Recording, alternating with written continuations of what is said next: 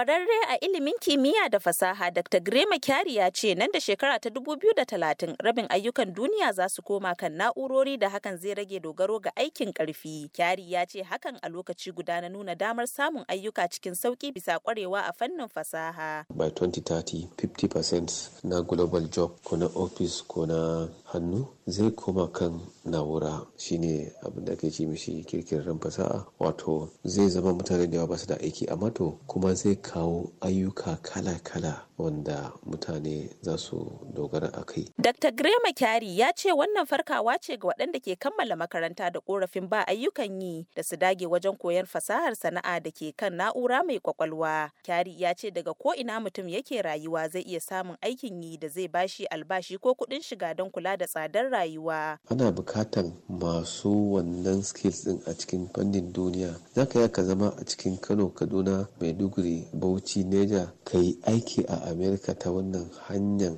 gizo kuma a biya ka. Wayannan abubuwa na matasa mu dole su tashi su saya. Barka ce ni na karanta chemistry, na karanta biology, na karanta political science. Wannan hanyar ba zan iya ba a'a ba haka ba ne. Kowanne bai karatu ba zai shiga wannan hanyar ya samu social skill, ya samu soft skill, kuma ya shiga cikin da ake buƙata aiki da ake buƙata ka zauna a cikin gidanka a cikin ɗakin ka kai aiki kuma a biya ka. Kuma ta hanyar gona aka kai zai kai amfani da wannan start up ka fara aiki ya maka amfani sosai. Ilimin da muke buƙata na ya kamata mutane su tashi su nema. Kyari da tawagar kwararru sun zaga sassan Najeriya musamman yankunan karkarar Arewa don wayar da kan matasa kan wannan abin da ke tunkarowa nan da shekaru shida masu zuwa. Shi kuma babban sakatare a ma'aikatar kasuwanci da masana'antu ambasada Nura Abbarim ya ce, 'yan Najeriya na ci gaba da samun kwararru da kan yi fice a duniya kuma gwamnati na ba su kwarin gwiwa. Duk takardun da za ka nuna na Najeriya cewa kayi a nan ya tabbatar maka cewa kayi qualifying a ɗauke ka aiki a ko'ina a duniya. To shine muke yarjejeniya da su. Karancin wutar lantarki rashin wayar da kai da tsadar kayan aiki na daga dalilan da kan kawo rashin amfanar ɗalibai da ma sauran 'yan najeriya masu ƙaramin ƙarfi wajen cin moriyar fasahar zamani. Hauwa umar muryar amurka daga abuja najeriya.